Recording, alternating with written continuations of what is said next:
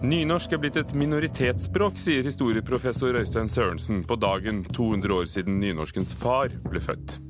Stavanger vil ha staten med på omfattende restaurering av domkirken til byjubileet i 2025. Og vi anmelder Gaute Heivold nyeste roman. Det er Kulturnytt i Nyhetsmorgen i NRK, P2 og Alltid nyheter med Ugo Fermariello i studio. I dag er det 200 år siden Ivar Aasen ble født. Mannen som fant opp det nynorske skriftspråket, feires over hele landet. Men fortsatt har nordmenn sterke og delte meninger om både Aasen og nynorsken. Ivar Aasen, hvem var det igjen? Nei, jeg har hørt navnet. Det var han som fant opp nynorsken? Nei, jeg liker ikke nynorsk. Jeg syns det er unødvendig å ha det på skolen og skal lære seg det. Så. Eh, Bare han så opp oppfant nynorsken. Syns det er veldig fint, det. Folk på Karl Johans gate i Oslo har sterke og delte meninger om nynorsk og Ivar Aasen. I dag er det 200 år siden mannen som fant opp nynorsk, ble født. Ivar Aasen samlet norske dialekter på 1800-tallet og laget et norsk skriftspråk. Og i dag skal han feires over hele landet. Men professor i historie Øystein Sørensen mener Aasen ville vært misfornøyd med dagens språksituasjon. Han hadde som hensikt at det språket han hadde konstruert, eh, etter hvert skulle erstatte det danske skriftspråket og bli det norske skriftspråket. Og det har det ikke blitt. Men det er aldri blitt noe mer enn et minoritetsspråk, og ser ikke ut til å bli det heller. Og så ville han nok også mislikt at både bokmål og nynorsk i dag er såpass mye preget av utenlandske låneord, særlig fra engelsk. En av de som skal feire dagen, er leder i Noregs Mållag, Marit Tennø. Hun er ikke helt enig med Sørensen. Ja, altså, Nynorsk har jo ikke blitt eneste riksmål i Norge, så hvis det er det Øystein Sørensen mener, så kan han jo på sett og vis eh, si, på mange måter si at han har rett. Men men det var jo ikke gitt da for 150 år siden at nynorsken faktisk skulle bli et helt eget språk, med til dels faktisk et eget, også et eget territorium, sånn som det er i dag. Ivar Aasen ville skape et eget norsk språk, eh, og det har han klart. Tilbake i Oslos gater engasjerer nynorsken fortsatt både unge og gamle. Ivar Aasen, ja vel. hvem var det igjen? Det er en uh, forfatter som innførte nynorsk. Det var en fabelaktig innsats. Det vil jeg si. Jeg syns det var veldig bra, og jeg er veldig glad for at noen tok seg bryet med å reise rundt i Norge og samle dialekter og lage et eget. Eh, nei, det er jo masse nynorskundervisning i skolen, så sånn sett har han jo oppnådd noe. Og reporter var Eirin Venås Sivertsen. Forfatter Maria Parr, god morgen. God morgen. Hva tror du Ivar Aasen ville sagt om språksituasjonen i Norge i dag? Ville han vært enig i at uh, nynorsk er et minoritetsspråk? Nei, det veit ikke jeg. Uh, han, eh, det, det, er jo ikke så veldig annerledes enn det var da han sjøl holdt på. Det var jo uh, uenighet og strid da også. Og nynorsk har jo alltid vært omdiskutert. Du skal være seremonimester i kveld under feiringen på Ivar Aasen-tunet i Ørsta. Eh, det nynorske du bruker, er det et nynorsk som eh, Ivar Aasen ville kjent seg igjen i? Eh, det er nok litt annerledes enn det han laga, skulle jeg si. Men nå, nå har det jo gått over 100 år siden det. Så jeg tror han hadde kjent igjen, iallfall. Hvordan vil du beskrive ditt forhold til språket? Det er et spørsmål som jeg alltid syns har vært veldig rart å få. For det, jeg vokste opp en plass der en skrev nynorsk egentlig uten å vite at en skrev nynorsk. Og så plutselig begynte en å få det spørsmålet når en kom ut i verden. Så uh, jeg har jo det forholdet til nynorsk som alle vel har til språket sitt. Jeg er et godt forhold. jeg er glad i det. Mm. Med bøkene 'Tonje Glimmerdal' og 'Vaffelhjerte' har du vunnet mange priser, blitt oversatt og lagt merke til. Er det å skrive på nynorsk eh, noe som hjelper deg, eller hindrer deg, eller betyr det noe i forhold til ditt møte med publikum i Norge? Jeg har aldri opplevd det som noe problem. Jeg, jeg, snarere tvert imot. Um, alltid blitt veldig godt mottatt både på nynorskskoler og bokmålsskoler. Unger er heldigvis eh, veldig liberale i det spørsmålet. Så jeg har aldri opplevd det som noe Snarere tvert imot som en, som en slags styrke å skrive nynorsk. I dag i Bergens Tidende sier Senterpartileder Liv Signe Navarsete at hun ønsker nynorsken inn i Grunnloven. At de stadige angrepene på nynorsk som hun refererer til, gjør det nødvendig å likestille bokmål og nynorsk i Grunnloven. Hva synes du? Er det et godt forslag? uh, ja. Vi har jo to jamstilte språk i Norge, så, så sånn sett. Mm. Mm. Hva slags feiring blir det i kveld? Der du er min president, holdt jeg på å si. Du er programleder. Ja, jeg er programleder. Det blir ei flott feiring av uh, festen heter Takk Ivar Aasen. Og det blir uh, uh, noe av det fineste vi har i arven etter Ivar Osen. Han skrev jo veldig masse fint, så kommer til å bli framført på ulike måter. Så det blir en fin, fin kveld, altså. Takk skal du ha, forfatter Maria Parr. Agnes Moxnes, kulturkommentator her i NRK. Hva sier du? Ville Iver Aasen vært fornøyd med dagens språksituasjon? Han eh, hadde jo grunn til å være fornøyd med situasjonen så lenge han levde, fordi at han, han hadde en meisterplan, som biografen Ottar Grepstad skriver om i den biografien som nå innledet denne femdagers lange feiringen av eh, Ivar Aasen. Og den fikk han gjennomslag for. Han samlet inn dialektprøver, han konstruerte et skriftspråk som var bygget på norske dialekter. Og han fikk oppleve at språkene, språkene ble sidestilt i 1885, som vel må nærme seg det Navarsete nå foreslår at man skal få inn i Grunnloven. Det er et, gjort et jamstillingsvedtak i, i Norge. Og så i årene etter Ivar Aasens død, helt frem til midten av 1940-tallet, så vokste interessen for nynorsk voldsomt. Jeg tror det var en tredjedel av norske elever som hadde nynorsk som hovedmål i 1945. Men nå er vel det tallet blitt eh, adskillig lavere. Og en av grunnene til det kan jo også være at bokmål har jo også forandret seg veldig mye i løpet av denne tiden. Sånn at språkene Det er jo ikke så veldig stor forskjell på det, de skriftlige eh, språkene nynorsk og bokmål lenger. Men fortsatt går det an å si at eh, språk splitter nordmenn? Ja, altså det er jo to ting som tenner norsk kulturdebatt og gjør det fortsatt. Det ene er religion, og det andre er eh, språk. Eh, når det har kommet språkreformer, så har de gjerne satt full fyr på, på norsk debatt. Og en av grunnene til det er jo at, at det språket du har lært å, å skrive, Eh, det opplever du som svært eh, viktig for deg. Du er villig til å gå i krigen for eh, språket ditt. og Derfor så har de fleste nordmenn en eller annen gang vært i en heftig språkdebatt, eller så vil de komme igjen. Og, og mange vil jo si at det har ført til at det har vært et gode, og at det har ført til økt bevissthet om språk og språkets betydning. Så hva har Ivar Aasen betydd, ikke bare for norsk, men for Norge? Det har jo, som Maria Pai sier, at hun har et, et, et, selvsagt og naturlig forhold til sitt eh, eget språk. At det er, eh, så det er økt eh, selvbevissthet. Det er en nærhet mellom det språket man snakker i oppvekstspråket, altså det muntlige språket og det skriftlige språket. Eh, Ottar Grepstad mener også at Ivar Aasens betydning for eh, Norge har vært at det har vært viktig, viktig for demokratiserings- og moderniseringsprosessene i dette landet. Og det er jo interessante poeng som kan diskuteres, og så kan det helt sikkert også diskuteres om flerspråklighet virkelig har vært et gode for et land som vårt. 200 år for Ivar Aasen, hvordan skal det feires? Ja, Det skal, det er blitt gått ut en oppfordring fra Nynorsk kultursentrum om at det skal flagges. og Man kan jo bare gå ut og se rundt seg hvor mange som har heist eh, flagget i dag. Mange har helt sikkert eh, gjort det. Og så har altså, det er jo, De vet jo, eh, Mållaget og Nynorsk kultursentrum, at, at slaget om nynorskens fremtid står et sted, og det er i politikken.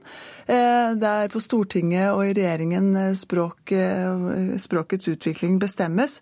Og derfor så har man altså da invitert samtlige syv norske partier som stiller til valg nå, til å komme til Åsentunet og gi sin 200-årsgave eh, til dagens jubilant. Mållaget og Nynorsk kultursentrum har kommet med 21 punkter for en bedre nynorskpolitikk. Hva krever de? Ja, Det er jo rett og slett at man fortsatt skal satse på nynorsk, både også i skole og universitet. Men den store utfordringen gjelder, er jo, er jo den samme for nynorsk som for bokmål. At på universitetet og på skoler og i dagligtalen så er det ett språk som trenger seg på, og det er engelsk. Takk skal du ha, kulturkommentator Agnes Moxnes. Og vi tar med at i dag er hele Bergens Tidende skrevet på nynorsk i forbindelse med Ivar Aasens 200-årsdag. Vi skulder han en stor takk, utan Aasen ville vi ha skrevet halvdansk heile gjengen, skriver sjefredaktør Gard Steiro i en kommentar. Samtidig er han forberedt på reaksjoner fra leserne, og skriver at det er tre emner som skaper leserstorm bompenger, innvandring og nynorsk. Og bokmål taper terreng i noen distriktsbyer, stikk i motsatt av tendensen ellers i landet, svikter byfolk i Sogn og Fjordane bokmålet og går over til nettopp nynorsk. De tre siste årene har vi ikke hatt bokmålselever ved skolen. Rektor Øyvind Knapstad ved Florø barneskole må innse at det heller ikke i høst blir nok elever til å egen bokmålsklasse ved skolen. Det er en litt rar utvikling og veldig sånn atypisk i Norge, dette her. På 80-tallet brukte halvparten av de over 500 elevene bokmål. I år er det så få foreldre som ønsker bokmål at det ikke er nok til å egen klasse. Kanskje grunnen kan være at eh, en har rekruttert arbeidskraft fra nabokommuner som har i utgangspunktet nynorsk som målføre. Vanligvis er utviklinga stikk motsatt. I flere kommuner kring storbyene på Vestlandet må nynorsken gi tapt for bokmål når byene vokser. Urbaniseringa gjør også at en stadig mindre del av befolkninga bruker nynorsk. Men der nynorsken fra før står sterkt, er det bokmål som nå er under press. Ved Skram skole i kystbyen Måløy bruker til vanlig to tredjedeler av elevene bokmål, men i år vil flest førsteklassinger ha nynorsk, forteller rektor Stefan Lekshaug. For en av de første gangene på veldig lenge så har vi et flertall av eh, foreldre som har valgt nynorsk til ungene sine. Reporter Asgeir Reksnes.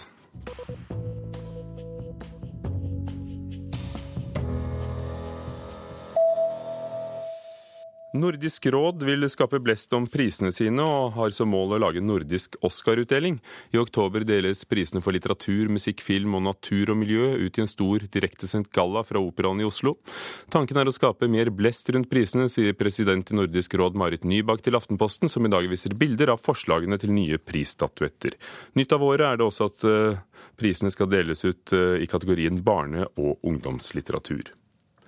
Den svenske strømmetjenesten Spotify økte inntektene med 128% til 3,8 milliarder svenske kroner i fjor. Likevel taper de penger pga. økte lisensieringskostnader til artister og plateselskap, skriver Dagens Næringsliv. Spotify finnes i 28 land og har 24 millioner brukere, og så langt har tjenesten 6 millioner betalende kunder. Og den skotske skuespilleren Peter Capaldi, best kjent som spinndoktor i satireserien The Thick of It, blir den nye stjernen i kultserien Doctor Who. BBC-serien handler om Doctor Who som kan reise i tid gjennom en tidsmaskin.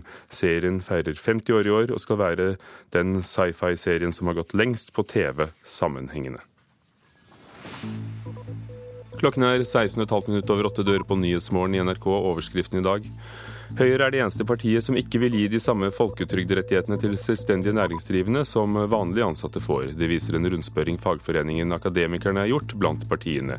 NHO mener gründerne har flere valg. Det står jo da eh, gründere helt fritt å betale inn mer, slik at de får de fulle rettighetene. Så Det er det ingen som eh, hindrer dem i å gjøre. Tvert imot så har jo de en valgfrihet som kanskje mange andre i næringslivet da ikke har. NHO-direktør Kristin Skogen Lund. Nordmenn behøver ikke være urolig over utenlandsk overvåkning på internett. Det mener sjefen for Etterretningstjenesten, generalløytnant Kjell Grandhagen. Fordi etterretningstjenester har begrenset kapasitet, og de er nødt til å fokusere den mot det som virkelig er de alvorlige truslene mot stater og mot samfunn. To personer er alvorlig skadet etter knivstikking i Bergen i natt. Gjerningsmannen er på frifot. Gjerningsmannen han forlot stedet i en bil, og politiet er på stedet og prøver å få kontroll over vitneopplysningene og de tekniske sporene. Alt tilgjengelig mannskap er ute og leter etter gjerningsmannen.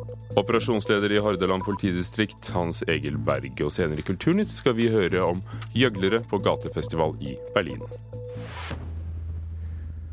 Stavanger domkirke er Norges viktigste middelalderkatedral etter Nidarosdomen, og dessuten den best bevarte, men nå må den pusses opp. Domkirken skal nemlig skinne til byens 900-årsjubileum i 2025, og det blir ikke billig. Byen har vokst rundt denne kirken, helt bokstavelig talt. Stavanger domkirke har vært byens pumpende og livgivende hjerte i snart 900 år. Men nå trengs behandling, og arkitekt Per Skjeldrup har fått utredningsjobben sammen med partner Live Gram. Det vi ser her, og som gjelder nesten alle disse vinduene i koret, det er at du ser at de er veldig rusta i karmen. Og så er det klebersteinsomramming rundt. Og det som skjer når vi ruster, det sprenger klebersteinen, og så blir det ødelagt. Så vi kommer til å anbefale da å ta ut disse vinduene, ta det ut på verksted. Det blir sakte fra hverandre, rett og slett. Tenk når de kom fra husene i gamle Stavanger og kom her, og så opplevde dette rommet. Kontrasten til hverdagen. Den kontrasten, altså. Stavangers varaordfører Bjørg Tysdal Moe står i spissen for en regional tverrpolitisk komité som skal skaffe penger til en omfattende restaurering. Anledningen er domkirkens og byens sammenfallende 900-årsjubileum i 2025. Det er slik at når domkirka ble bygd, så sier vi at byen ble grunnlagt. Og Det ble også eh, sagt historisk at det bodde 200 mennesker i byen der. Og da er det klart at det, Å få bystatus da, det henger sammen med at en fikk en katedral og et bispesete. Det som eh, er planen nå, det er å løfte den opp til et uh, toppnivå sier kirkevergen i Stavanger kirkelige fellesråd, Svein Inge Thorstvedt.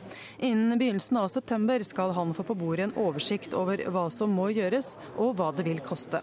Trolig snakker vi om minst 200 millioner kroner, sier Thorstvedt. Det som har skjedd, er jo at uh, moderne byggeteknikk og moderne virkemidler det har skada bygget.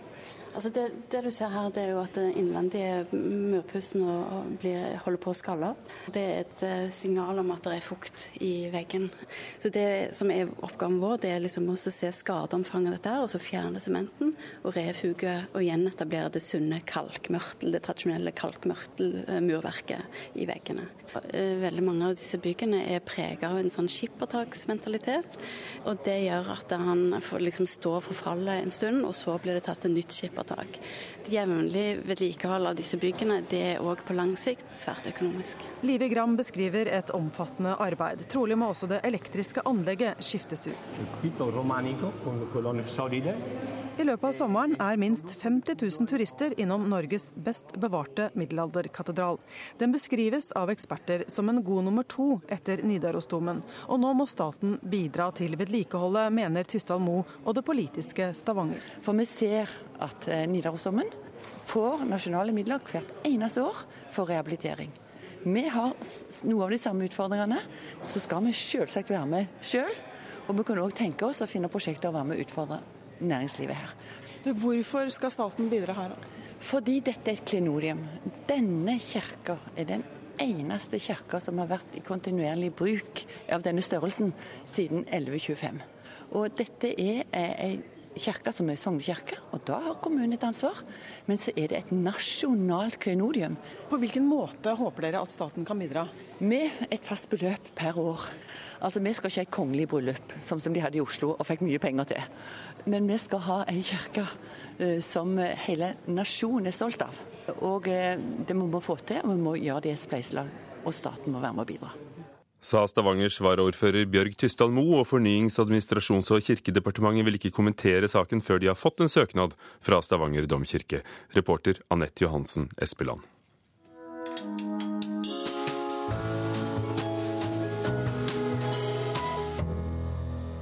Forfatter Gaute Heivold fikk et stort gjennombrudd med den selvbiografiske romanen 'Før jeg brenner ned', en bok som også skaffet ham Brageprisen.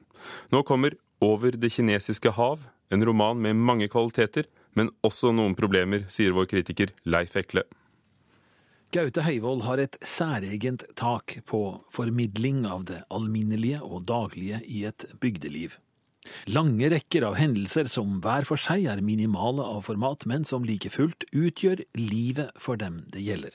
Livet mens det går forbi og har med seg skjønnhet, gleder, skrekk og sorg, natur som skifter med året. Faktene er få og små. Setningene drar like fullt leseren med seg temmelig forutsetningsløst. Noen dager i 1994 på Sørlandet, noen mil inn fra kysten. En mann, fortelleren i denne romanen, rydder opp i boet etter sine foreldre og de liv som er levd og avsluttet i dette huset foreldrene en gang bygde. Bilder, dokumenter, brev, klær, alt bringer frem strømmer av minner fra hans eget liv, fra han kom hit som guttunge mot slutten av krigen og huset var nytt hans eget liv og fra korsveier og parallelle stykker han har delt med andre. Det er ingen vanlig oppvekst han har hatt, skjønt mindre uvanlig den gang enn den ville være nå. Hans foreldre bygde huset stort og rommelig før de flyttet fra Østlandet og hit, til farens hjembygd. Fra jobbene sine ved det store sinnssykehuset Dikemark i Asker til det som skulle bli deres eget fristed for de som ikke klarer seg selv, de åndssvake, gale. Sykepleieren og diakonen tar hjelpetrengende mennesker i forpleining. Mot betaling vil fortsette arbeidet ved Dikemark og forvalte Kristi kjærlighetsånd. Vi snakker om velmenende mennesker som samler i sitt hus, foruten seg selv og egne barn, fem åndssvake søsken fra Stavanger, en noe forvirret onkel og to sinnslidende menn. Over det kinesiske hav er med andre ord en roman om oppvekst og liv i et uvanlig miljø rundt uvanlige mennesker, med en horisont godt og vel bortenfor seg selv. En roman som like fullt forblir uhyre jordnær, nesten saklig. Ikke engang en skolelærer med buorm i lommene kan endre det inntrykket. Ei heller en ubrytelig toleranse for annerledesheten, som vi antar foreldrenes gudstro utgjør grunnlaget for. At dette lykkes, er bokens styrke, men problemene finnes også. Gaute Heivolds tekst formidler en allmenngyldighet som gjør det til en nødvendighet å fullføre, helst i sammenheng. Så god er Heivold i omgangen med språk og fortelling. Men det alminnelige kan også la helheten sitte uforløst igjen. Jeg venter underveis og i stigende grad på at historien om de eiegode menneskene skal gnistre til på et eller annet nivå, at den skal reise seg og bli noe mer, noe utover sin egen løpende fortelling. Anslagene finnes også til dette noe mer, mest ved en tragisk hendelse der et barn dør, men det forblir ved tilløpet. Slik blir Over det kinesiske hav, til tross for sine kvaliteter og sin lesverdighet, værende en god bok, men en betydelig roman blir den ikke. Sa Leif Ekle om Gaute Heivolds siste roman. Vi lever av luft og kjærlighet og litt applaus. Det sier deltakerne på den årlige gateteaterfestivalen som åpnet denne helgen i Berlin i Tyskland. 50 teatergrupper fra ti land deltar. Festivalen er ikke så veldig innbringende, men får stadig mer oppmerksomhet fra folk.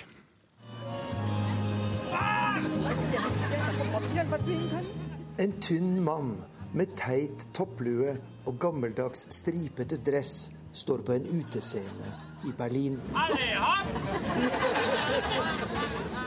Tilskuerne ligger flate av latter over den tynne mannens påfunn. En lang, bøyelig stav blir i tur og orden forvandlet til en paraply, en hund, en tissestråle, et slips, et kors og en spaserstokk.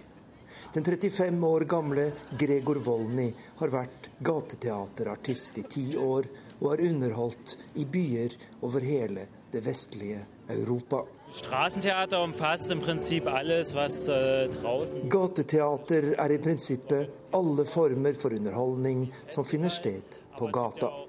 Det kan være enkeltartister som stiller seg opp på et hjørne, eller organiserte opplegg som denne gateteaterfestivalen her i Berlin.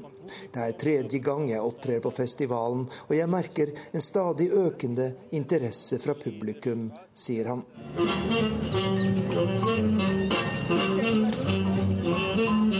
Komishow, sirkus, tryllekunst og parodier. Tilbudet er enormt under gateteaterfestivalen som finner sted på den berømte Alexanderplass i det østlige Berlin. De neste to ukene blir det mer enn 600 forestillinger fra fire ulike scener, og med så mye humor gir navnet på festivalen seg selv, sier arrangøren. Berlin lacht. Berlin ler. Berlin lacht ist en initiativ eine Initiative, die das Genre Straßentheater Festivalen Berlin ler er et forsøk på å gjøre sjangeren gateteater mer kjent her i Tyskland, sier festivalsjef Stefanie Grosse, som selv er gateteaterartist. Denne kunstformen har en lang tradisjon i Frankrike og Sør-Europa, men her hos oss er det fortsatt et forholdsvis lite kjent og lite ansett kulturuttrykk, sier hun.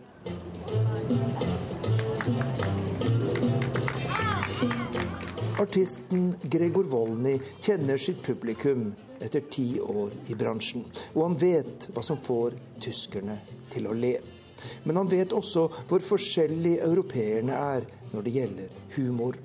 Når jeg opptrer i Frankrike og Italia, fremfører jeg et helt annet show sier han. I Frankrike kan man f.eks. gi ungene en nokså røff behandling, mens tyske tilskuere vil reagere negativt hvis en av de små blir redd eller tar til tårene. Den franske humoren er på den annen side mer intellektuell, mens tyskerne ler godt av prompevitser og underbuksehumor, sier komikeren Gregor Volny her i Berlin.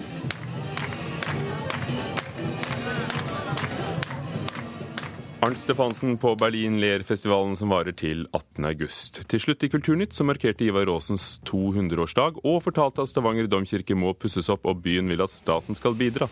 Teknisk ansvarlig var Per Ivar Nordahl, produsent Vidar Sem og programleder Ugo Fermariello. Klokken er straks halv ni. Du hører på Nyhetsmorgen.